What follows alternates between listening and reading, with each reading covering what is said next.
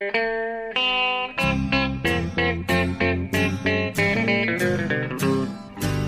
out there, we're on the air. It's hockey night tonight.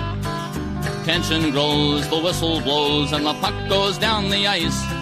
The goalie jumps and the players bump, and the fans all go insane. Someone roars, Bobby scores at the good old hockey game. Oh, the good old hockey game is the best game you can name. And the best game you can name is the good old hockey game. Hallå, hallå, hallå ska ni vara. Fantastiskt varmt välkomna till ännu ett poddavsnitt med NHL-podden och det här är lite speciellt eh, avsnitt faktiskt. För att, eh, per Bjurman är ju däckad i New York. Han, är, han är day to day with the flu så att han fick faktiskt kasta in handduken här. Eh, eh Eh, jag personligen har också lite upper body problem faktiskt. Jag är lite småsjuk. Men detta löser vi genom att eh, på rekordkort varsel eh, kalla in en ersättare.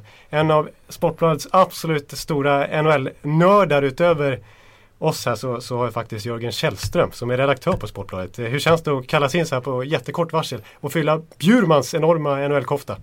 Det känns väldigt spännande men väldigt nervöst också att få se om man har några kunskaper som duger här. Ja, alltså vi ska säga det alla lyssnare att, att eh, Jögge, han, som vi kallar honom, han, han pratar ju NHL eh, väldigt mycket och sitter uppe på nätterna och kollar på sitt Detroit. Du är ju rödklädd eh, dagen till också. Ja, det är mest för att hylla Detroit att de vann i natt. Och är, nu får man se vad man, vad man duger till här då Ekan provar med. Ja, nej, men du, du har ju lite mer... En annan här är ju, är ju egentligen inte... För, jag är ju en superrookie egentligen jämfört med dig. Eh, jag har ju bara ett, eh, vad säga, jag, har ju bara, jag har inte så många år som du om man säger på min meritlista nere och kollar på NHL. Och du har ju sett du var ju med redan på 80-talet och du brukar prata Canada Cup-minnen 84 och så, här, så att... Ja, eh, mitt stora minne i livet är ju Canada Cup 87 och, det, och sen kommer jag även ihåg sådana här lite grann 84 och det är ju sånt jag är bra på.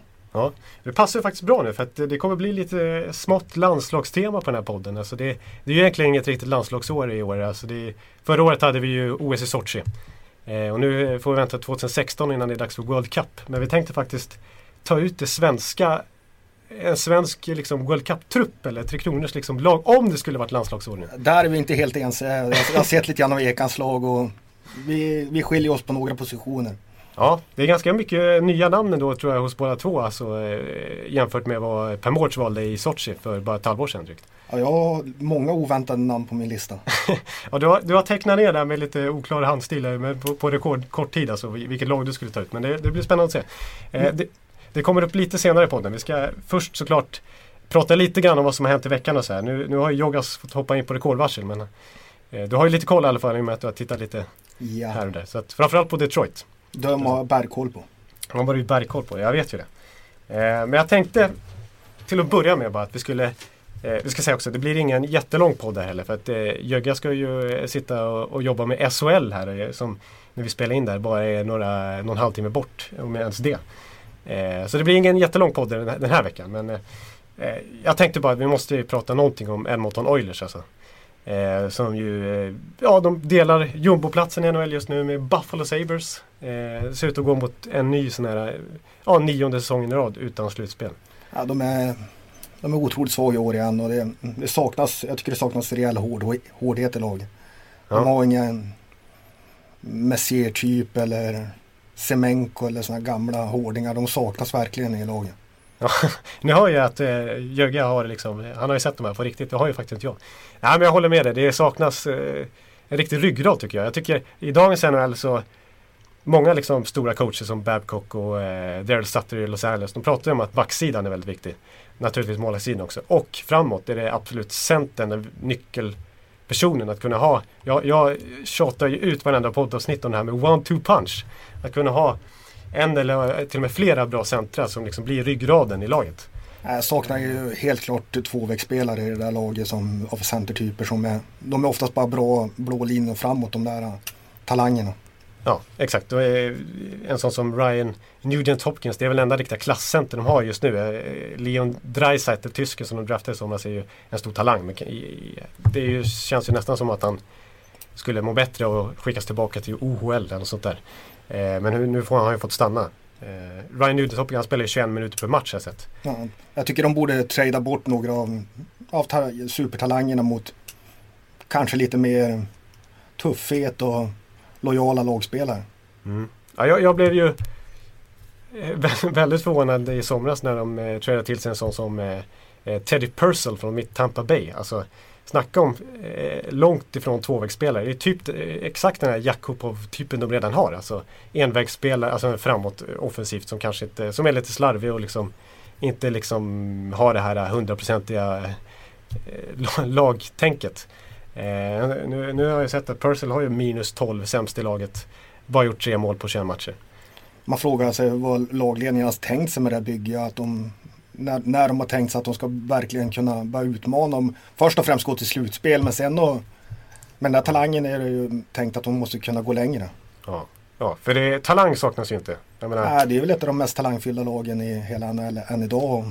Men jag förstår inte riktigt vad tanken är med en del spelare. Nej. Jag vet inte om du såg det Joggas men eh, efter förlusten mot Chicago i helgen när de åkte på 7-1 hemma. Eh, så fick de ju gå walk of shame. Eh, sen de skulle ut i omklädningsrummet. Eh, då har de en liten, eh, en ganska lång raksträcka i kulverten i arenan. Eh, där det står fans och kan se när de spelarna går där. Och de blev ju brutalt utbuade, alltså, det var det värsta jag sett. Eh, medan de gick där och det var liksom på sin hemmaplan. Men det är klart, de torskade med 7-1 och det är klart fansen är trötta. Och vi har ju sett hur de har kastat in tröjor på isen och så här. Men ja, de, de, de buade ut dem fullständigt när de gick där. Ibland undrar man om lagledningen tänker på att de ska bygga upp någonting som på det gamla goda 80-talet. Men det man ska komma ihåg med laget på 80-talet var att det var många eh, riktigt hårdjobbande spelare som, som kunde bidra till att, eh, att de var så offensivt bra också. Att det var riktigt sådana som Tikkanen och Semenko och Messerum. De tog ju ansvar åt båda hållen också. Att det, det är någonting som de verkligen saknar. Att de, mm. Jag kommer ihåg att jag pratade när jag skulle göra en eh, text om New York Islanders succé. Deras massa eh, raka Stanley Cup-titlar där på 80-talet. Det var väl fyra i rad i början mm. av 80-talet. Eh, sista året så torskade de ju mot, eller så vann de ju mot just eh, eh Edmonton i finalen. Gretzkys lag i deras början av Edmontons stora fina era där. Mm. Eh, och då berättade ju Kaller att, att de var ju alldeles Alltså, de, de jublade knappt efter den Stanley Cup-segern för att alla var så slitna och så mörbultade att de satt mest med ispåsar hela laget. Eh, för att de var så, de har varit så otroligt tuff serie mot Edmonton. Och i deras omklädningsrum så var det bara löst de har revanschlusta liksom. Och det var eh, verkligen vinnarkaraktär över Edmonton-laget som nästa år fullständigt blåste eh, Islanders av eh, dynasti av banan. Liksom. Ja det krävs ju otroligt mycket för att vinna där. Att det, det är knappt någon semester de går på efter att ha vunnit Stanley Cup. Man går ju på rehabilitering och om man, har, om man har tagit ut sig fullständigt så är det ju det som krävs. Att kropparna ska ju verkligen vara blå. Ja, ja nej. Det, det, jag har faktiskt läst lite grann att, eh, att de har lite på gång där McTavish och gänget som rattar det där Edmonton-laget. Eh, det har varit mycket rykten, en sån som eh, tung eh, spelare i, eh, i medievärlden som Darren Drager har ju till och med gått på TSN har gått ut och sagt att David Perron är en sån spelare som de faktiskt funderar på att skicka iväg. Och det, är jag lite förvånad över just Perron med tanke på att han känns ändå som en den närmaste två, tvåvägsspelare de har nästan av, av deras mer talangfulla killar. Eh, och att han i så fall då skulle kanske kunna generera en sån spelare som Braden Chen i eh, Philadelphia. Det har snackats om Brandon Sutter i eh, Pittsburgh. Jag vet inte hur mycket det skulle lyfta dem. Även Patrik Berglund i St. Louis. Alltså i alla fall en, en, en center med lite tvåvägskvaliteter att få in, stärka upp det. Lite mer tyngd också. Det känns det som också Berglund skulle kunna tillföra. Ja precis, för de, de har faktiskt ett hål där efter Ryan Nugent Hopkins verkligen. Alltså de har en sån som Mark Arcobello eller eh, Leon Draisaitl är ju inte riktigt en klockren andra center i dagens läge. Vad skulle du se för spelartyp till Edmonton? Ja, jag, jag, är nog inne på det där att eh, jag har faktiskt i en tidigare podd, eh, ni som har hängt med hela säsongen, vet jag att jag hade ju ett trade-förslag att de skulle försöka få, få in Eh, Brian Little från eh, Winnipeg. Kanske lite liten i kroppen i och för sig mot vad som är önskvärt. Men det är i alla fall en tvåvägscenter och en kille som kan göra en 60 poäng per säsong. Men också spela boxplay och täcka skott och offra sig för laget. Det är det de behöver i alla fall. Eh, och de har ju pusselbitarna för att kunna få till en trade. Det är ju inget snack om det. Eh, men de behöver bygga om det här laget. Det, det går inte. Jag som håller på Detroit kan ju se att exakt vad Edmonton skulle behöva är ju Datsjuk eller Z men de är inte gratis att värva och de finns ju inte överallt heller. Nej, det är, det är verkligen en sån här franchise-spelare liksom som är, som, som, som är i princip oåtkomliga. Eh, ja, jag vet inte. Den enda jag tycker riktigt presterar på den nivå man, man kräver. Eh, nu har han haft lite skadeproblem den här säsongen. Det är Taylor Hall. Han tycker jag ändå är, är bra. Och, eh, ja, under de senaste åren har gjort en poäng per match ungefär. Och, och ändå tagit ansvar i båda riktningarna. Så ändå inte riktigt den där superkaraktärsspelaren som man men som de har startat nu är de redan borta från slutspel och det ju, de kan ju nästan börja bygga om redan nu känns det som att det är väl. Ja. ja jag tycker också det faktiskt. De är 10 poäng från slutspel. Jag menar delar ju på plats med Buffalo som ju gav upp säsongen i somras. Nej, eh, Edmonton Oilers har enormt stora problem. Eh, Långt kvar till good old days där. Ja, de har gjort en grej faktiskt här i dagarna faktiskt. De sparkar sin målvaktstränare i alla fall. Tagit in en ny där. Eh, för att det har ju varit ett problem i år igen. De har två nya keeprar kan man säga. Eh, från den förra säsongen i form av eh, Scrivens och eh, Viktor Fast. Båda ligger under 90 procent.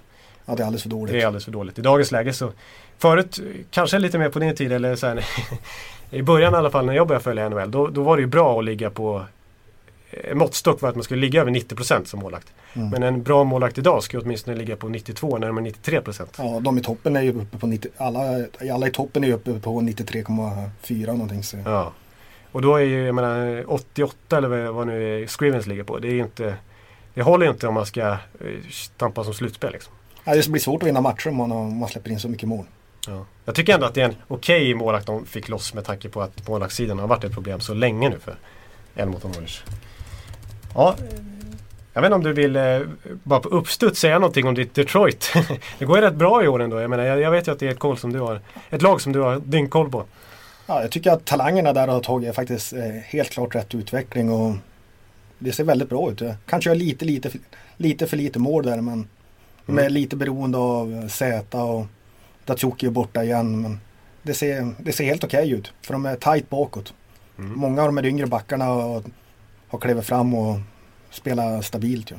Ja, det var ju ett, eh, en grej som jag och Bjurman har tjatat om. Alltså att, eh, oj, vad Ken Holland misslyckades där i somras. När han, han var ute efter Strålman, han var ute efter Niskanen.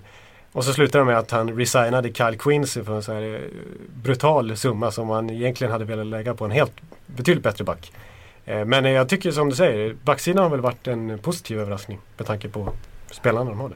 Ja, de har ju som vanligt lite otur med skador. Datsjuk spelar ju, han är borta alldeles för mycket för att de ska kunna vinna matcher. De är ett helt annat lag där han är med. Och Z får ju ta sånt otroligt ansvar över hela banan. Och, men jag tror de går till slutspel definitivt. Det, jag kan inte se att de missar det. det tror jag. och det är väl kanske mest en förhoppning också. Men nej, de är, de är, de är faktiskt en klar överraskning. Thomas Tatar, vad säger du då? Han är, han är frejdig men han är inte så pålitlig bakåt kan man säga. Att jag, han är inte det? Jag tycker han slarvar lite grann i defensiven och sånt här. Men Ja, han har, har en stark vecka bakom sig Jag såg att han kom med i, i NHLs uh, Three Stars där. Uh, men uh, han är fortfarande lite oslipad kanske. Ja, valp är han. Men det tror jag de kommer att lära om. De brukar alltid bli bra tvåvägsspelare i det där laget. De har ju sådana stabila som Helm och sådana här. Att det, det är hårt jobb som gäller. Ja. Jag vet en spelare tror jag som du har gnällt lite på när vi har suttit här på nätterna. Det är eh, Luke Glendenning. Ja, det är en, jag tycker det är en jäkligt trubbig typ faktiskt. Det Varför då? Ja, han är... Jag tycker inte en Detroit-spelare i mina ögon. Jag tycker han är lite för, för sävlig. Och, men han gör ju sina poäng då och då. De tror ju på honom. Det är oväntat att de tycker han inte känns som en Detroit-spelare. Det känns inte som det. Eh, jag är imponerad av Jim Howard också. Eh, mm. Studsar tillbaka den här säsongen. Nu har ju Gustafsson varit skadad där en stor del av säsongsinledningen. Men Howard har ju verkligen varit stabil. Han har varit, han har varit väldigt bra men det är ett stort problem då de inte har någon bra andra keeper att han kommer att belastas så hårt och få spela så otroligt mycket. Den där Mersak som de har som ja, nu. Peter Mrazek. Ja. Är inte så, de, han är väldigt oprövad så det känns som ett Howard ska nog inte gå sönder om, de ska, om det ska bli 23 raka playoffen. ja det är helt sjukt 23 raka om det nu blir det så det är sensationellt. Ja, nej du. Eh, eh, jag har en, eh, jag, ett lag till som jag vill prata om. Vi har ju lite bråttom här så vi måste forcera mm. lite, lite grann. Jag vet ju att du ska tillbaka. Men New York Islanders alltså. Eh, De var, vi har redan varit inne på dem en snabbis i 80-talet där. Ännu en 80-talsklassiker som dyker upp här. Ja, exakt. Eh, som har faktiskt eh, nio segrar på sina tio senaste matcher. Eh, och jag och Bjurman vi, vi hyllar ju naturligtvis dem inledningsvis. Eh, deras trader där sent om sidan när de kunde utnyttja Boston och Chicagos lönetagsproblematik och få in både Nick Ledder och Johnny Boychuk och förstärka deras... Fick in mycket tuffhet och stabila backar. Riktigt bra backar. Mm. Eh, och eh, de började säsongen väldigt bra men naturligtvis så var vi lite oroade för att är verkligen Islanders på riktigt? Alltså är det här bara en fluk? Är det bara en så här bra säsongsstart? Ska de orka 82 matcher? Nu känns det som att de är riktigt... De, de, de, de är Jag tror de är på allvar den här säsongen. Att det, det känns som att de har många ingredienser. Där. Allt utom en halv av dem. ja, just det. Ja, det, det, ska de i alla fall få. Ja. Jag tycker för sig Nassau Colosseum där är ganska charmig. Alltså. Ja, du, men... du som brukar hänga i Joe Louis Arena, eller Joe Louis Arena ska jag säga. Bjurman hade, på, hade fullständigt mörsa med för mitt uttal där, men förlåt. Ja. Ja, jag, jag, jag, tycker, jag tycker den är lite småcharmig. Men du, du vill se ja, det är, som en, det är som en SHL-hall nästan. Och det man har läst om och sett bilder. Att den är, men den måste ju dofta hockeykultur i alla fall med alla, allting ja. som hänger i taket. Ja. John Tavares som inför varje match eh, står och blänger på en eh, bild i korridorerna på Mike Bossy innan han kliver ut. Ja, de har, de har tungt ok att bära den där klubben också. Men där, där har de ju nu väl fått ordning på det. Fått ordning på sina draftval och ja. värv, smarta värvningar som de har varit kritiserade för under många år. Men nu ser det väldigt stabilt ut och jag tror de tar en slutspelsplats även i år. Ja, de har faktiskt eh, uppe i 30 poäng när vi spelar in här. Alltså, de har eh, 8-9 poäng ner till lagen under där. Eh, så att de har faktiskt börjat rycka lite grann. Känns som de har tagit över tronen i New York också. Ja, faktiskt. Eh, ja, så här eh, dags ser det verkligen ut som det. Jag tycker eh, Islanders alltså, det, det, visst. Bra värvningar i somras. Eh, utöver Boychuk och sen de fick sent. Så Grabowski och Kolemin och så här. Eh, men jag tycker nödvändigtvis inte att det är de som har lyft dem, eller som är deras bärande spelare. Utan naturligtvis är det ju John Tavares och Kyle Poser som är pådrivare framåt. Men sen har ju sådana som Brock Nelson och även eh, eh, Anders Lee och eh, allt vad de heter där framåt. Eh, jag glömmer bort någon nu känner jag.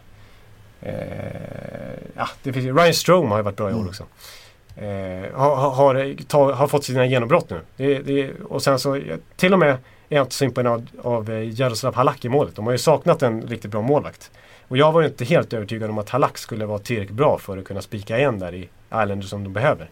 Och han har inte varit jätte, jätte, jättebra. Han höll nollan mot Philadelphia här om natten men eh, jag tycker det, det, är deras offensiv som, och eh, de här backförstärkningarna som gör att, att de ändå klarar av det trots okej okay målvaktsspel bara. Men de känns som en, eh, att de går klart i slutspel. Men det enda som inte får hända är att Tavares går paj för dem. Då, är de, då blir det tufft tror jag. Ja. Ja, sen, sen, ska jag ändå hylla Kulemin och, och, eh, jag vet att Kulemin var väldigt bra framförallt eh, och Grabowski och så här. För även om de kanske inte har öst in poäng så har de ändå gett dem ett djup. Liksom. Alltså, de är ju ett väldigt brett lag nu ändå. Eh, och jag, visst, Tavares vore en enorm smäll om de skulle tappa dem. Men jag tror ändå att de är inte lika sårbara längre, New York Islanders faktiskt. Eh, utan jag tror att de kan hålla, hålla rätt bra. Men där ser man en organisation som verkligen har lyft sig. Till skillnad mot Edmonton som vi pratade förut. De står ju stampa på den här. Islanders var ju ett lag som de hånade förut borta i NHL för att de aldrig fick till det. Ja. Men de har ju, de har ju rest och börjat hitta verkligen något nytt. Och. De står för något de står för någonting. Gör rätt grejer nu, Guard Snow. Ja. Till skillnad från så sent som förra året när den där brutala Vanek-traden som det skulle bli. När han eh, tradade till sig Vanek. Eh, för att liksom det skulle eh, för att verkligen visa Islanders ambitioner. Och det gjorde han i och för sig då. Men eh, sen så eh, gick Tavares sönder under OS och eh, slutspelsplatsen var körd. Han blev tvungen att trada bort Vanek igen vars kontrakt skulle gå ut. Eh, och fick ju väldigt lite utbyte. Bara ett andra val och Sebastian Kollberg tror jag. eh, och då gav man ju bort massa första val till Buffalo i, initialt. Så att. Men nu är det som du säger. Ja, skillnaden mellan succé och fiasko är inte så stor. inte så stor. Han blev ju totalsågad för det. Han var, blev ju till och med hånad och allting. Ja, precis. Och då var han ändå klart bättre än eh, föregångaren Mike Milbury. Som ju tradat bort sådana som Chara och eh, Jason Spezza och Roberto Longo och Olli Jokinen och allt vad det heter mot väldigt lite utbyte. Milbury, han, ja, han, var, in- han var inte så lyckad på den posten. Och vet inte fan om han är mer lyckad som expert heller. Nej, det kan jag inte påstå att han är faktiskt.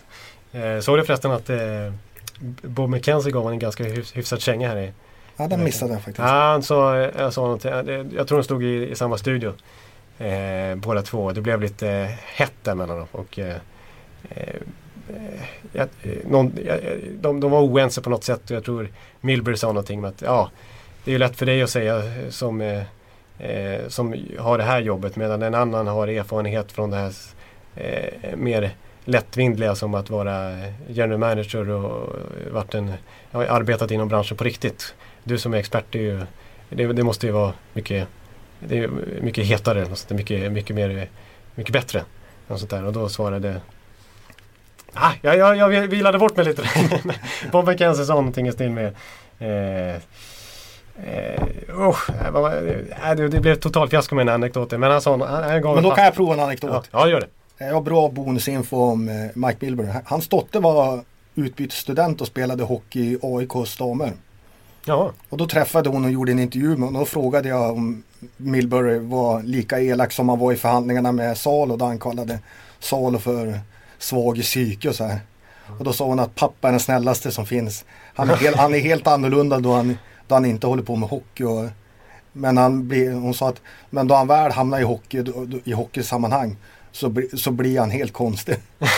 så det, det är ju Dr. Jekyll och Mr. Hyde verkligen den människan i ja så det är fall. så. så okay. Det hade jag svårt att se att, att han ska vara någon slags mysfarbror utanför eh, hockeyn. Alltså, men det kanske Nej, hon hade bara gått att säga om sin pappa. Jag, jag försökte pressa hon på det där hon sa och hon sa att det, det var kanske förhandlingstaktik och sådana saker. Att de utmålar människor som svaga i psyke och sådana saker. Var det inte så att Salo till och med började gråta? någon Och i, i den där, det är väl en sån arbitration eller vad det heter. I, Ja. De sitter i. Ja, just det. Ja, det var, ja, eh, ni får söka på Mackenzie och Milbury på Youtube om ni vill se den. Jag gjorde ingen jättebra reklam för den men eh, om någon, någon Den kanske är bättre där. Ja, jag tror det faktiskt. Min, min var ett plus. Oh, ja. Ja, men du, eh, vi, vi- ska börja gå in på svenska nu och det här laget. Eh, Vi ska först bara eh, naturligtvis, apropå svenska då, hylla Daniel Sedin. Tusen matcher nu i, i NHL. Det är stort. Det är, innan han spelade ut sin kontrakt så har han blivit den svensk som har gjort flest matcher i NHL om man får vara skadefri. Så det är, Och fullfölja sitt kontrakt. Ja. med honom, Ja. ja, det vore ju ruskigt imponerande alltså.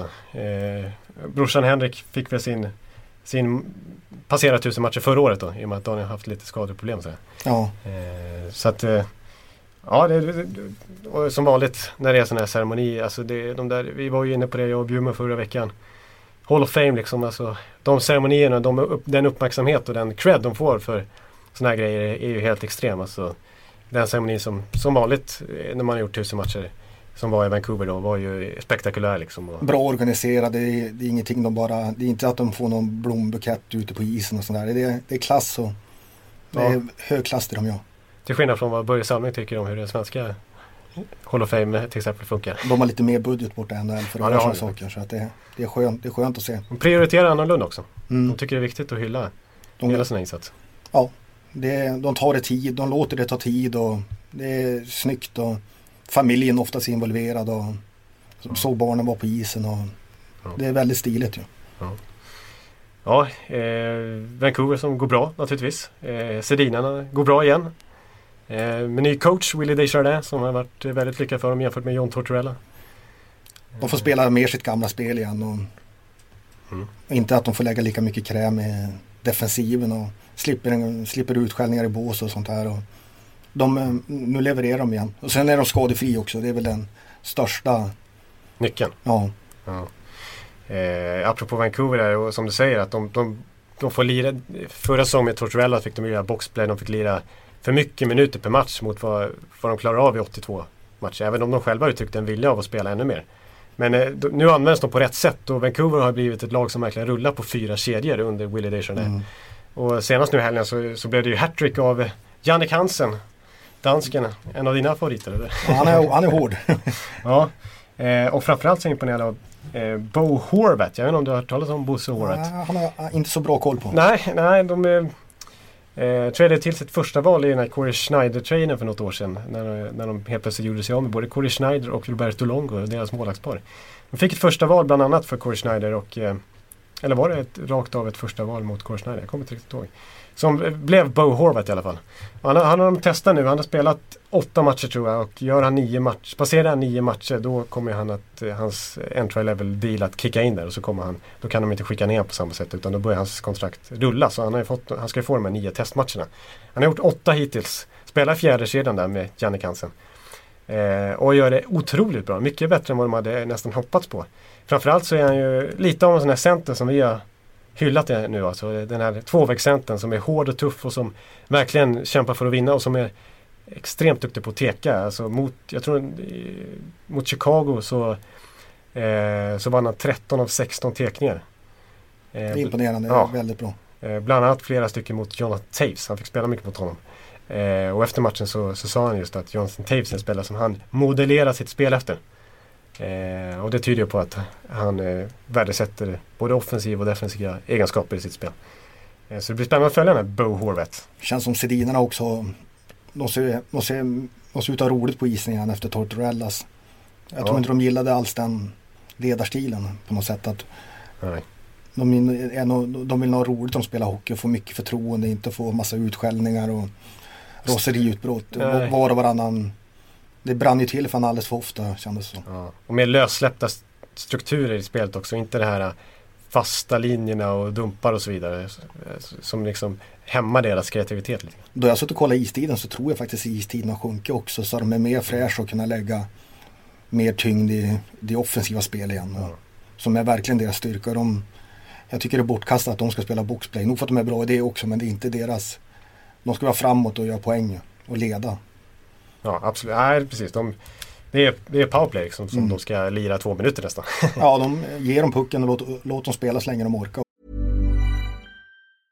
Cool fact a crocodile can't stick out its tongue. Also, you can get health insurance for a month or just under a year in some states. United Healthcare short term insurance plans, underwritten by Golden Rule Insurance Company, offer flexible, budget friendly coverage for you. Learn more at uh1.com. Och är fräsch. En till kille vi måste hylla snabbt det är ju John Klingberg. Shit alltså, det, det hade man inte väntat oss. han satt verkligen i krysset där dragskottet han drog iväg i. Härom, det var nog bara någon dag sedan han... Ja, ju, han har gjort två mål nu. Jag tänker ju framförallt på kanske som du menar Arizona-målet. Mm. han klev in efter en tekning. Gör bort Mikael Böttger tror jag och sen så drar upp den i bortre krysset ungefär. Ja, väldigt snyggt för att vara första mål i NHL så kan inte, det, det kommer man komma ihåg. Ja precis, det, hela arenan bara explodera i princip. Ja, den killen, han, får han bara rätt förtroende så, så kan det bli en sämre Erik Karlsson kopia. För han har ju också offensiv, bra på rören. Inte, han vågar verkligen i sitt spel. Det såg, det såg man under tiden i SHL att han att en kille som kan verkligen få det att lyckas borta i NHL om man får förtroende. Men det gäller ju, det är ingen kille som ska, man ska ha ett tredje backpar eller någonting. Han ska ju verkligen ha förtroende i första eller andra backpar också. Ja. Och det är nog därför han har lyckats så snabbt också i Dallas. För att nu har han ju bevisat tillräckligt mycket för att han ska få det förtroendet. Men han, han lirar ju 24-25 minuter per match. Ja. Som rookie. Det är ju sensationellt. Eh, en sak som, det här är ju riktig så här, typisk Ekeliv-notering som vi kanske inte säger så mycket om sanningen. Men, eh, att han får nummer tre till exempel direkt. Jag tycker att rookies de brukar få 67 eller något sånt där. Och sen så får de bevisa sig och då kan de få välja tröjnummer. Eh, men han får liksom eh, trean direkt. Liksom så här, det, det han kommer väl in i lite rätt läge nu också. De har väl, har väl lite skador på backsidan ja, där. För då, men då gäller det att förvalta det om man väl får chansen också. Han, han har ju ett enormt självförtroende i hela sitt spel och hela sin attityd. Så han, han spelar ju som han spelar i SHL verkar som. ja, det, för det, det, tycker jag är signifikativt för alla de här svenska backarna som har, har blommat överallt i NHL nästan de senaste åren. Alltså att de har den här brut, alltså den här pondusen, den här totala oräddheten. Och verkligen vågar misslyckas för att lyckas. Ja, den enda som inte riktigt, som jag ser det, som har tagit chansen av de som dominerade fullständigt i SHL är ju Rumblad. Ja. Han, har inte, han har inte fått ut någonting av det han visade i SHL och känns som han inte han borde nästan ta en vända hem och få upp ja, självförtroende igen. Att han, jag tror han blir mer, att, han blir mer och mer skänkt av att, att inte kunna spela sitt spel där. Nej. För han, han, är... kan, han, kan, ju bara spela offensivt och det ska jag verkligen göra hela tiden. Ja. För han är en sån som får 14-15 minuter i, som sjätte back ungefär. Ja, han ska, ha, han ska ha 24 och vara ledande i det lag han spelar. Han skulle kunna spela i ett, i ett riktigt dåligt lag och få utvecklas igen i ja. borta NHL. Eller, eller gå hem och, och ta ett år här hemma i SHL och få upp självförtroende igen. Och, för han var helt dominant i, framåt i, då han var i SHL varje år. Mm. Ja precis, det känns som att eh, det är nästan omöjligt att konkurrera ut de backarna som redan finns i Chicago. Eh, han, fick, han tog ju inte chansen i Arizona heller. Eh, och inte i Ottawa heller, eller Ottawa. eh, men det som du säger, alltså, i SHL så var ju han superdominant. Han mm. sista året så gjorde han väl över en poäng per match som back. Men sån som Erik Karlsson, han gjorde väl högst 10 poäng innan han stack i SHL. Och Klingberg gjorde en bra sista säsong i Frölunda. Men, eh, och så var han väl okej okay, och tog något guld i, i Skellefteå där också. Men, men eh, alltså, de, de två har inte varit lika dominanta som Grundblad var. Han var ju den stora talangen. Ja. Om man, är, om man inte får, man kan tro att man får ett rykte om sig eller om man inte lyckas eller om man bara harvar runt i olika klubbar och får de där 14 minuterna som du säger han spelar. Då, då tror jag man inte då tror man inte blir lika het på marknaden efter ett tag. Då tror jag att man kanske ska göra som Jocke Lindström och vända hem och bygga upp självförtroende och bygga upp spel igen och sen komma tillbaka. Mm, mm. För då har, man, då har man ett rykte om sig igen när man kommer tillbaka att man Nu känns det som att de, man kommer att bli sjätteback i Chicago. Som bäst. ja, där kommer man få väldigt svårt att flytta på många pjäserna. Ja. Och att han faktiskt blev tradad i ett rakt byte från Ottawa mot Arizona en gång i tiden mot Kyle Turris. Det säger lite om vilket rykte han hade när han kom in i NHL. Eh, nu skulle han ju aldrig kunna Eh, bytas eh, mot Kyle Turris i Ottawa om man säger så. Ja, nu, skulle han, nu skulle han verkligen må gott av att kanske spela i Edmonton eller liknande och få spela sitt spel igen och ja. visa upp hur bra han är. För han har ju alla kvaliteter egentligen men det är, det är, nu, nu, nu, ja, nu är en självförtroendefråga helt klart också. Mm. Och han kanske inte riktigt har den här självklara pondusen och sådär som, som, som sådana som Lindholm, Hampus Lindholm eller Erik Karlsson framförallt. Ja, för de har det gått rakt upp hela tiden man varit där och Klingberg nu han lyckades direkt och mm. Rundblad har ju fått vara, vara ner i massa farmarlag och harva och det är ingenting man mår bra av. Nej. Och det, det som är extra imponerande med Klingberg det är ju att han har jag, jag tror om det var slutet av förra säsongen som han faktiskt eh drabbades av massa, han har haft sargad axel, han har haft eh, massa höftoperationer han gått igenom. I så här unga år. Alltså det varit en riktigt sargad kropp redan. Eh, och att just han eh, skulle slå igenom på det här sättet och vara en 25 eh, minuters back i NHL så Alltså redan nu i sin karriär det är ju Väldigt imponerande. Och väldigt oväntat. Ja.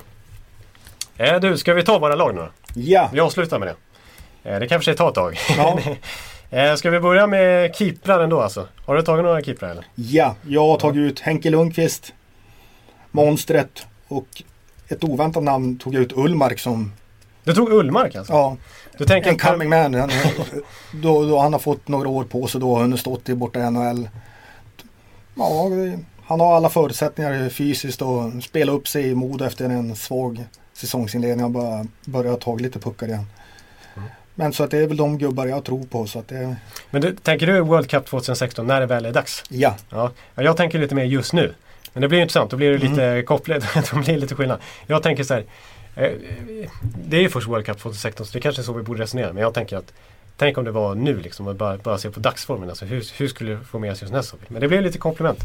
Eh, och det, Ullmark, ja jag förstår. Jag kan ju, mm, Men även, även i dagens läge så ibland en tredje målis kan man ju ta här hemifrån. För han, han kan ju även bara vara med för att se och lära. Att det, det är inte så ofta de brukar använda en tredje keeper i, i World Cup också. Nej. Om det skulle vara just nu. Jag tycker han har modern målvakt. Den mest talangfulla vi har just nu. Så att, jag tror på han. Jag lämnar sådana som Lener utanför. Och jag vet ju att det, om det skulle varit dessutom just nu. Ja. Då hade Lener inte blivit uttagen av Mårts. Det kan jag sätta mycket på. Ja, det, vi vet ju hur deras historia ser ut. Alltså att eh, Mårts har en historia med ganska många spelare faktiskt. Ja, och det, det spelar ju in att tackar man nej av olika anledningar. Han hade en väldigt svag anledning till att tacka nej till VM i höstas mm. i i slutet av säsongen som Mårten inte var helt nöjd med kan jag tänka mig. Mm. Och då, det tror jag spelar in att då, då kan, tror man kan välja andra alternativ. Mm. Mm. Ja, jag, jag har faktiskt, det, det, det, det är egentligen i målvaktssidan är minst intressant av de här tre olika lagdelarna. För vi vet ju att alla tänker Lundqvist kommer vara första keeper så länge han är skadefri. Eh, men jag tog, jag tog ändå Robin Lehner. Eh, om jag skulle förbundskapten. och eh, Jonas Enroth faktiskt före Bonstret. Eh, för jag tycker Enroth är väldigt bra i landslaget. Han tog ju VM-guldet 2013 var grym då. En målsfavorit. Det är ju en målsfavorit då. Eh, så att han skulle säkert få chansen tror jag av Mårts. Men eh, jag skulle också ge en chans. För jag, jag Känns som en lojal lagspelare som, som vet om sin plats i hierarkin också. Ja, nu, han gör det okej okay i Buffalo. Alltså, statistiken imponerar mig inte jättemycket men han har ju ett, det är ju en, det är ju en otacksammaste jobbet i hela NHL att vara keeper i Buffalo Sabres. Liksom. Ja, man får i alla fall mycket skott på sig. Ja, det det, är det man. som är po- positivt. ja, får mycket att träna. Ska vi ta backarna? Ja, Jag vill höra dina, dina 2016-backar. det är Jonathan Eriksson och Kronwall. Stabilt backpar i Detroit. Som alla vet, jag håller, jag håller på Detroit och de håller hela, de är stabila och Kronwall är- gör ju lite poäng i alla fall. Jonathan Eriksson stabil bakåt, kompletterar varandra utmärkt. Det är backparen. Ja, det var ju så lite Mårts resonerade också i senaste OS att han tog eh, färdiga backpar. Liksom. Ja, Eh, ja, jag är lite bekymrad, fram, i alla fall fram till 2016 över Erikssons liksom, hälskropp och så här, För att han har varit mycket skadad och så här. Han har en sån uppoffrande spelstil också. Men jag gillar han i och för sig, men jag har inte med han i mitt lag. Men det, som är det moderna laget. men det, fortsätt. Sen är andra backparet är det Hjalmarsson och Erik Karlsson. Okej. En, en stabil pjäs bakåt som är kanske, ja, kanske NHLs bästa defensiva back och den bästa offensivt. Cirkusartisten Erik Karlsson. Så det är, det är ett backpar som kompletterar varandra utmärkt. Ja. Har alla ingredienser. Och där väljer du att splittra på Hjalmarsson och Odoja. Ja, jag har faktiskt inte ens tagit ut Odoja. Nej. Jag, jag petar Odoja i mitt lag. Jag har, I nästa backpar har jag Hampus Lindholm och Anton Strålman. Okej. Ja. Ett oväntat backpar. Var ingen av, var inte med i OS någon av dem. Och, eh, men jag tycker också de har alla förutsättningar att dom, dominera även då de är inne. De är ruskigt stabila. Vi har haft mycket diskussioner om Viktor Hedman. Eh, en spelare som du har varit lite emot precis som Mårts. Nu har väl övertygats lite mer den sista tiden. Han har spelat upp sig men han tar ändå inte plats i mitt lag för han kom inte, kom inte med som sjunde back heller. Han gör inte det alltså? Nej, det, jag tog ut Jonas Brodin så att eh, varken Ekman Larsson eller Viktor Hedman kom med i mitt lag och det, jag tycker att de Ekman Larsson är borta också. Ja. Jag på, tror... sto, på stor, det kommer väl gå på liten rink men jag tycker det här är ändå killarna som ska göra det. För både Ekman Larsson och Vik, Viktor Hedman kräver enormt mycket speltid och det tror jag, det tror jag de inte får ibland om, de ska sluta de andra backarna. De ska vara ledande i det lag de spelar och det är de i. Viktor Hedman har ju enormt mycket speltid.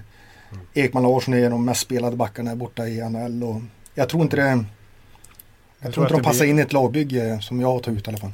För de ska vara de ledande, det är de inte de, av de backar vi har i, annars i Sverige. Mm. För det är Kronwall och Karlsson som, som kommer ta upp den mesta speltiden. Mm. Och de, de slår inte ut någon av dem. Nej, eh, ni som har hört mig och Bjurman, ni vet ju att eh, både Viktor Hedman och Oliver Ekman Larsson är stora favoriter. Så att de är naturligtvis givna i min backuppsättning.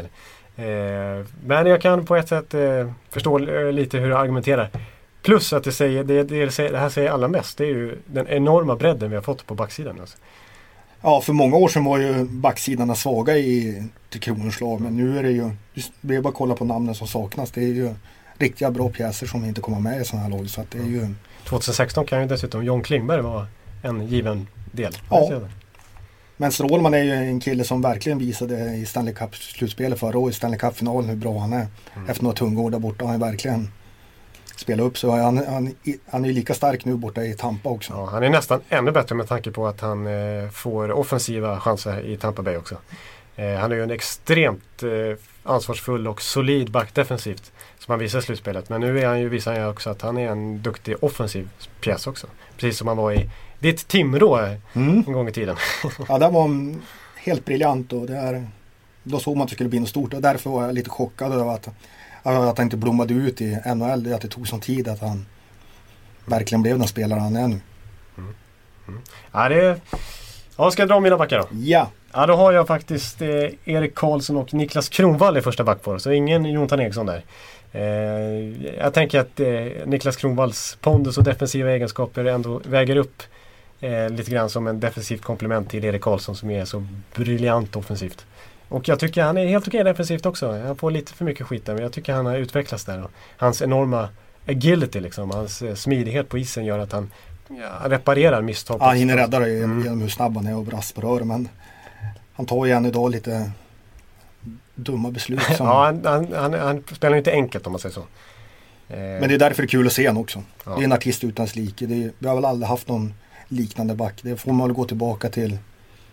Någon liknande måste väl vara Strimma eller något liknande. Och det, och det kommer man Det före min tid till och med. Ja, det, det är till och med före din tid kanske? Ja, det är till och med före min tid. ja. Eh, nej, och vi såg ju hur grym han var i OS också. Erik Han var väl Sveriges bästa spelare i OS. Ja. Eh, det var ju. Eh, I andra backpar så tar jag mitt Tampa-gäng då. Då är det ju Strålman och Viktor Hedman. Eh, jag tycker ändå att så som de spelar de första matcherna innan Hedman blev skadad. Det är ju inte så många matcher att döma av.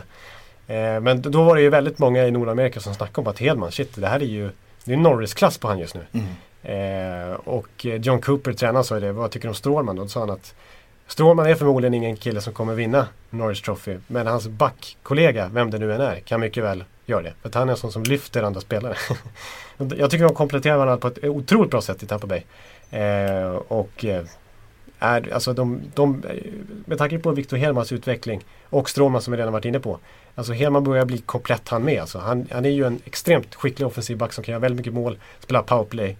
Men också ha väldigt stark framför egen kasse och i sarghörnen. Så här. Det här lilla jag sett av honom så tycker jag han har slipat bort många Han gjorde många onödiga misstag förut och Han har alltid varit stark på rören och en stor talang men han, men han behöver bli bättre och bättre det. Mm. Även i mina ögon. Och om man ska eh, jämföra lite mer Karlsson till exempel. Nu är ju Karlsson ännu skickligare offensiv spelare än Hedman. Men det som är en stor fördel som många scouter liksom har lyft fram under hela den här hypen kring Hedmans unga år. Det är ju hans storlek. Han, är ju, han har ju en väldigt stor kroppshydda alltså. väldigt tung och så, här, så att han, han har ju fysiska förutsättningar också. Ja, en svensk Sharan. Fast tyngre. Fast tyngre. Ja, han, är, han saknar ändå kanske 10 cm upp till Sharan men han är fortfarande 1,95 eller sånt där. Jag vet inte hur lång Hedman är men han är, han är stor. Eh, och sen var, hade jag jätteproblem alltså, för jag vill ju definitivt ha med Oliver Ekman Larsson. Men det som jag har uppskrivet nu bland sex backar det är ju faktiskt Hjalmarsson och Odoja. För att jag tycker de är så otroligt samspelta. Eh, så jag har svårt att splittra på dem även om jag tycker kanske Odoje individuellt sett naturligtvis inte håller riktigt samma högsta nivå som, som Oliver Ekman Larsson gör. Eh, och jag tycker även Hampus Lindholm definitivt hör hemma i ett svenskt World Cup eller OS-lag. Så att jag har skrivit Niklas Hjalmarsson och Jon Odoja som tredje backpar och så har jag Hampus Lindholm och Oliver Ekman Larsson som det Sjunde åttonde. Sjunde åttonde, precis. Eh, och du har ju själv att det är Oliver Ekman Larsson om han blir om en tränare säger åt honom du, du är sjunde back, då får han ju nio minuters speltid kanske. Inte ens det. Det är ju det är en helt annan roll han har i, där han spelar nu. Där, får han ju, där ligger han på en 26-28 minuter. Och det blir helt annat spel för spelaren då. Det är någonting man måste ta i beaktning när man tar ut ett lag. Mm. Ja, jag tycker ju att eh, det, det såg vi i OS då. Det var ju Mårts valde att peta just Oliver Ekman Larsson. Han eh, fick ju ofta sitta på läktaren eller komma in och lira 14-15 minuter liksom. Och då är, ser man ju inte hans storlek. Ja, det var ju samma klass som vad Talinder nästan fick. Och det, ja. det bevisar ju vad, vad Mårts vad, vad Mårts tyckte han var värd. Ja. Ja, sen, sen, sen, sen, eh, jag har inte med Jonas Brodin men han är absolut noga övervägd. Eh, det finns många namn, alltså en sån som Tobias Enström eh, nämner man ju knappt. Eh, han har ju tackat nej till landslaget. Ja, det är ingen mening att ta ut honom eftersom han tackar jämt nej. Han, är, han är, känns inte som han är intresserad av det. Nej, och det är ändå en otroligt bra back som vi inte ens pratar om. Och han är ändå svensk liksom. Eh, och vi har Kalle Gunnarsson, vi har som jag tycker är underskattad och eh, Jonathan Eriksson tog inte jag med till exempel. Eh, ännu fler vi skulle kunna nämna. Men det är ju sån konkurrens att det är svårt. Vi tar forward nu. Ja. Du får köra dina kedjor. Då kör jag mina kedjor. Och det, min är att det är två år framöver som jag har tagit. ja. Det är Sedin, Sedin, Louis Eriksson i första linan. Ja. Och sen har jag en oväntat namn i min andra kedja. William Nylander, Zäta och Nyqvist. Okay. Där kommer, där kommer det gå undan och Zäta får ta ansvaret för defensiven. Nylander får vara playmakern och Nyqvist sätta dit, dit puckarna. Ja, då har Johan Franzén två år till på nacken kanske så att jag kan förstå att eh, den Detroit-kedjan splittras upp. William Nylander har ju visat väldigt mycket i SHL hittills faktiskt vilken kapacitet han har. Ja, jag tror att han kommer att bli en succé över det. Han har handleder som få jag har sett i SHL. Det är, mm. Jag tror på en succé direkt över. Mm. Där kommer Micke, Trots hans storlek? Där kommer Micke få det, han kommer få, verkligen få veta att det är han som är pappa. Att alla kommer snacka om William istället. Ja. I tredje kedjan har jag tagit ut succémannen Filip Forsberg, Niklas Bäckström och Hörnqvist. Mycket bra kedja. Det är precis den jag har som jag hade som liten joker. Eller joker jag tycker den är given redan nu nästan. Jag tror de har alla förutsättningar. Man, Hörnqvist har verkligen visat nu i, i Pittsburgh vad han, hur bra han verkligen är. Ja, när han får spela med Han var petad sist i OS och nu har han fått visa hur bra han är. Han var i Nashville och inget ont om Nashville men det är ju en helt annan sak nu. Han får både spela med Malkin och Crosby. Och så Beckis är lika bra serverare som de två. I alla fall att spela fram puckarna. Så den, den kedjan Det tror är ju jag, en elite playmaker får man verkligen ja, så den kedjan tror jag kan bli en riktig succé. Och i min fjärde kedja har jag Söderberg, Sten och Landeskog. Det är ju högklassband också. Ja, det är väldigt högt. Sten får väl vara den som sköter det defensiva ansvaret som han är riktigt bra på. Landeskog och Söderberg får stå för tyngden och ta ner den bästa kedjan och möta dem och stå för tyngden. De har ju, båda två ju tyngden. Ja, verkligen alltså. Det har de. Söderberg eh, funderar jag väldigt länge på hur jag skulle knöla in honom. Men eh, snack, alltså han är eh, just hans ko- kombination av storlek, fart och tyngd liksom. Och playmaker-egenskap, spelsinne. Det är ju Ja, bara, bara domen här mot han, han, han var ju, I VM fick han inte, blev, skulle han inte bli uttagen. Då stoppade förbundet eftersom han gick ju. Men det är väl det får hoppas är glömt och begravet så att han Han är så pass bra så han ska ju platsa liksom. Ja, det, det var jag definitivt tro om. Han, har han utvecklas hela tiden tycker jag. Plus, att han, han funkar ju i en tredje eller fjärde kedja. Han visar Mm. i Boston. Alltså, han får inte mycket. Nu börjar speltiden växa. Men även när han låg på så här 14-15 minuter. Alltså gick han in och levererade när han, Ja. får, när han får chansen. Och Och gjorde väldigt mycket poäng för att vara en tredje center.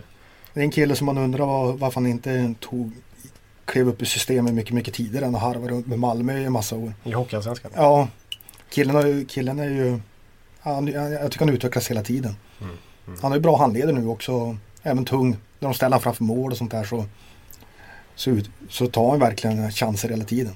Mm. Och det har jag och Bjurre varit inne på också. Att hans kontrakt går ut till sommaren. Och Boston som eh, har eh, lite kämpigt med lönetaket. De kan prioritera och knöla innan. Knöla innan där. Men det kan bli tufft också och eh, jag tror att han kan få ett riktigt bra kontrakt i, ett, i en annan klubb som behöver, söker en center. Alltså han, kan få, han kanske kan få 5 miljoner dollar och sånt där per säsong. Landeskog har haft en svag som han tog ut bara på grund av hans att- ledaregenskaper. Att har han en dålig dag så jobbar han hårt ändå. Det var det som varför han får plats i mitt lag. Precis. Att han jobbar hårt hela tiden ändå. Otroligt formsvag i Colorado, precis som hela Colorado. Men eh, han har ju ändå en karaktär som är, Ja, sen är han inte lagkapten, inte Finte. Han är ju... Det är en, det är en, ett Ja. fenomen nästan. Ja, han, jobbar, han, han jobbar ju hårt han, då han är dålig så gör han ju alltid sitt jobb där. Och Sten vet alla vad han går för. Och det är, Sten där, han får ju spela center där för att det är ju tuff konkurrens om centerpositioner. Och, men jag tror han grejar det bra.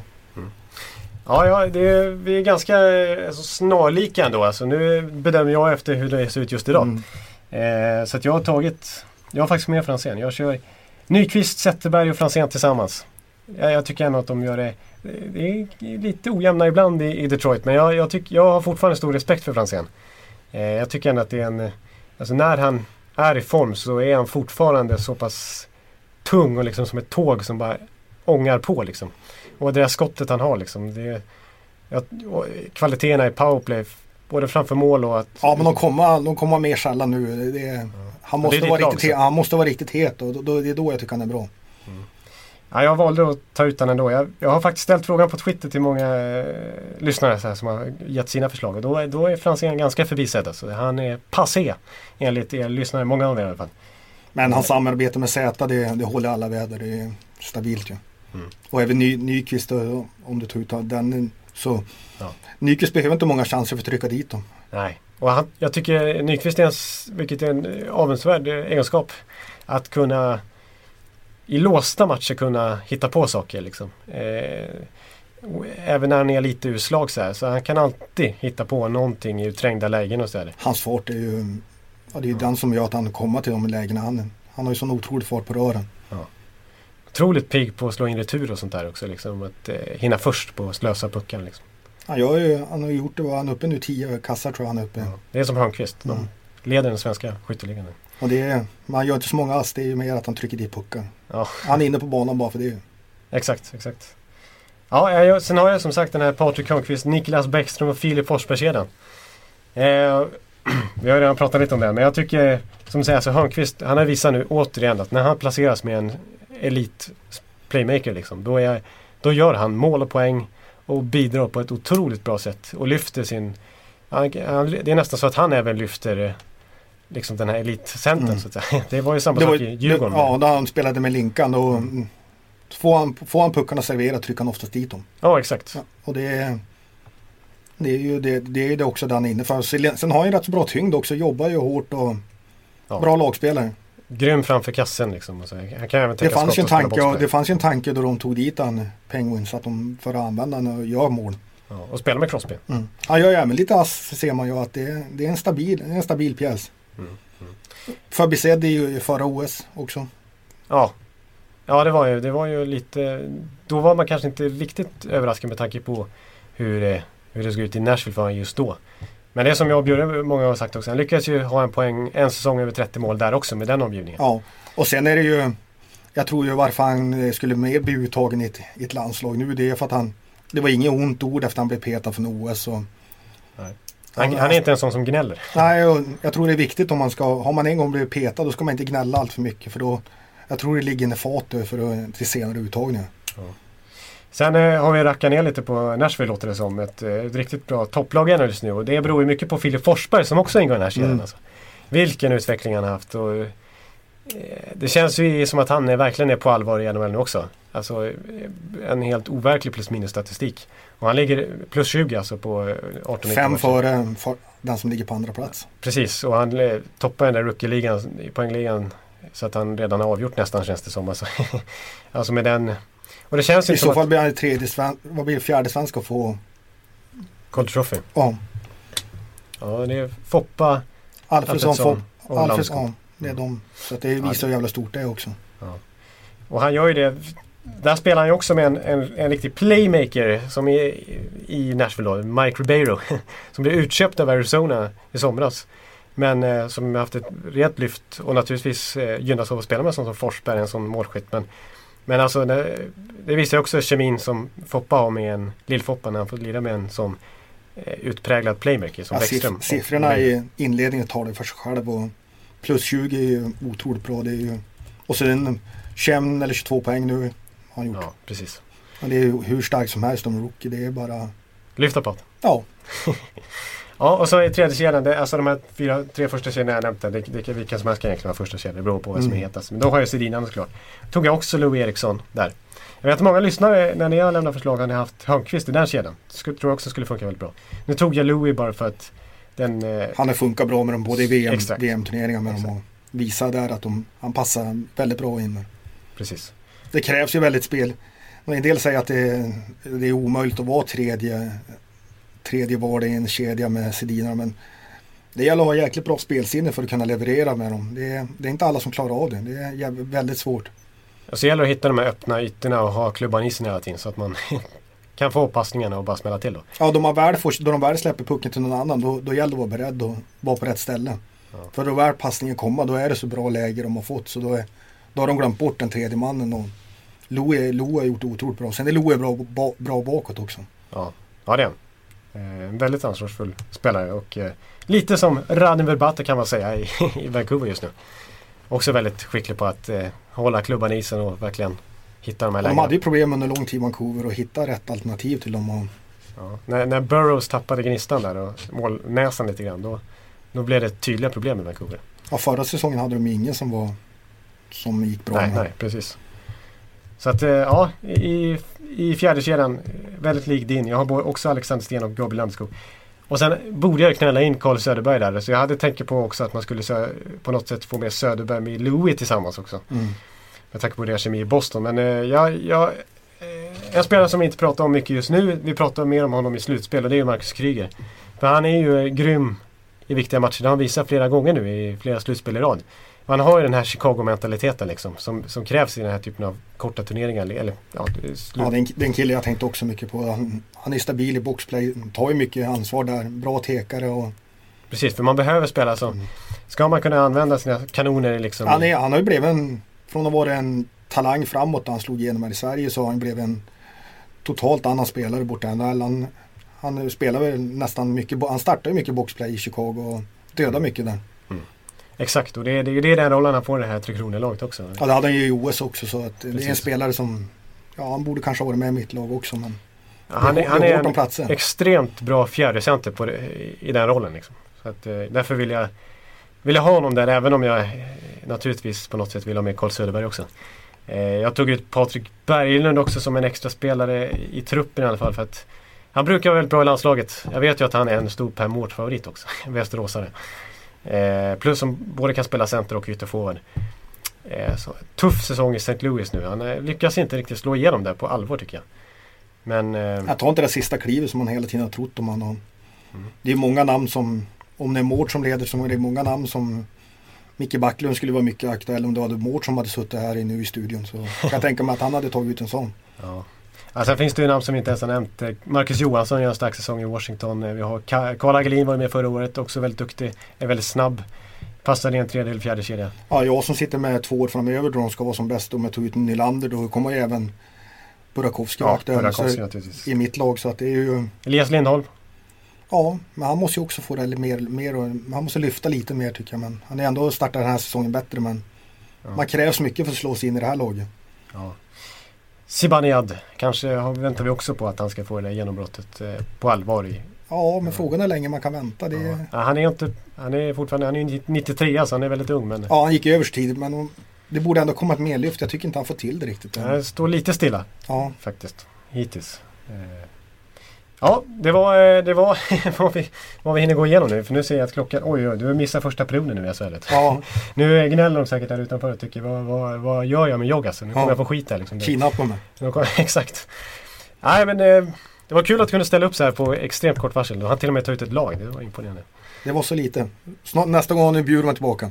Ja, ja det var, jag hoppas eh, eh, ni uppskattar att vi fick ihop en liten podd i alla fall här. Eh, när, när Bjurman var på injured reserve så, så kliver, tar vi upp eh, från eh, AHL tar vi upp eh, Jöggas som, eh, som är en riktigt stor NHL-expert. Var kul att ha, ha med dig här. Tack så mycket. Och eh, vi hörs nästa vecka allihopa. Ha det fantastiskt bra. Hej! Oh, take me where the hockey players face off down the rink And the Stanley Cup is all filled up for the champs who win the drink Now the final flick of a hockey stick and a one gigantic scream. The puck is in, the home team wins the good old hockey game. Oh, the good old hockey game is the best game you can name. And the best game you can name is the good old hockey game. Oh, the good old hockey game is the best game you can name.